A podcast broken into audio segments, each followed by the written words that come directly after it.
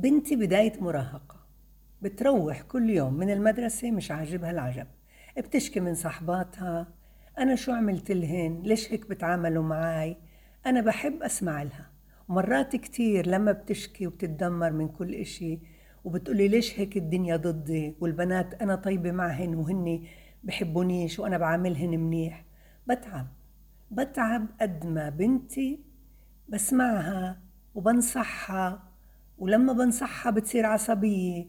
أنا تعبت كتير. أنا خايفة إنه بنتي تصير بنت متذمرة ومش عاجبها الحياة وخايفة عليها تصير متشائمة. لا أنت صح. بس اتركك من النصيحة. الله يرضى عليك. بدي أطلب منك ما تنصحيها. هي بتروح مش عاجبها العجب. أحلى فرصة ذهبية إلها إنه جو البيت قاعد بمتص غضبها. قاعد اسفنجي بسمعها. قاعد بحس معها. حلو تطلع عليها وتتأثري. حلو. فرجيها إنك أنت متعاطفة معها. أما ما عمرك تجربي إنك تقولي لها هذا الكون فيش عدالة الحياة مش لذيذة. كتير حلو إذا بتقدري إنك بعد ما تشكي وتشكي وتشكي وتشوفيها مرة هيك راقت تقولي لها ماما بدي أسمع إشي حلو واحد. إذا في عندك عن المدرسة عن صحباتك إذا في واحد. إذا شفتيها بدها تطفر خلص اسكتي. ما تجربي تدافع عن نفسك. ما تجربي تقنعيها. كتير حلو كمان إنك وإنت وياها بتكونوا مثلا بزيارة بتكونوا مع عند حدا بيجي عندكم حدا. جربي تركزي على حدا اللي عنده هيك تقبل.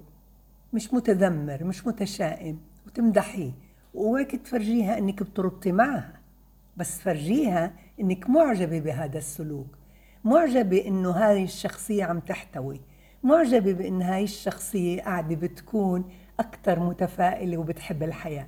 وإذا شفتوا فيلم إذا حضرتوا مسلسل كمان عبري عن إعجابك عن الشخص اللي بيحتوي الشخص الرايق الشخص اللي آه، بقابل الشر بتقبل وبتعاطف. كتير امدح المتعاطف أه؟ بس أنا بدي إياك كمان تعرفي معلومة حلوة. هذا العمر دائما بحب إنه الأهل يكون عندهم معرفة أكثر من الأطفال. هذا العمر بحب التعبير عن المشاعر السلبية. عنده هيك غريزة وميل بشخصيته إنه دائما بده يشكي. بيكون أحلى إشي. بيكون عامل له أهله أحسن إشي. دائما مش عاجبه العجب ودائما بعبر عن مشاعر سلبية. السكتار اللي بيسمعوني بيقولوا بس أنا بنتي مش هيك. نيالك. نيالك. بس أنا ابني مش هيك. برضو كمان بقول لك نيالك. الأغلب بهاي المرحلة العمرية بيكون إنسان نزق كتير مش عاجبه وكتير مش مرتاح. إسا أنا بفضل لإلها إذا بتقدري إنها تنتمي لنادي رياضي. الرياضة كتير بتهذب الذات.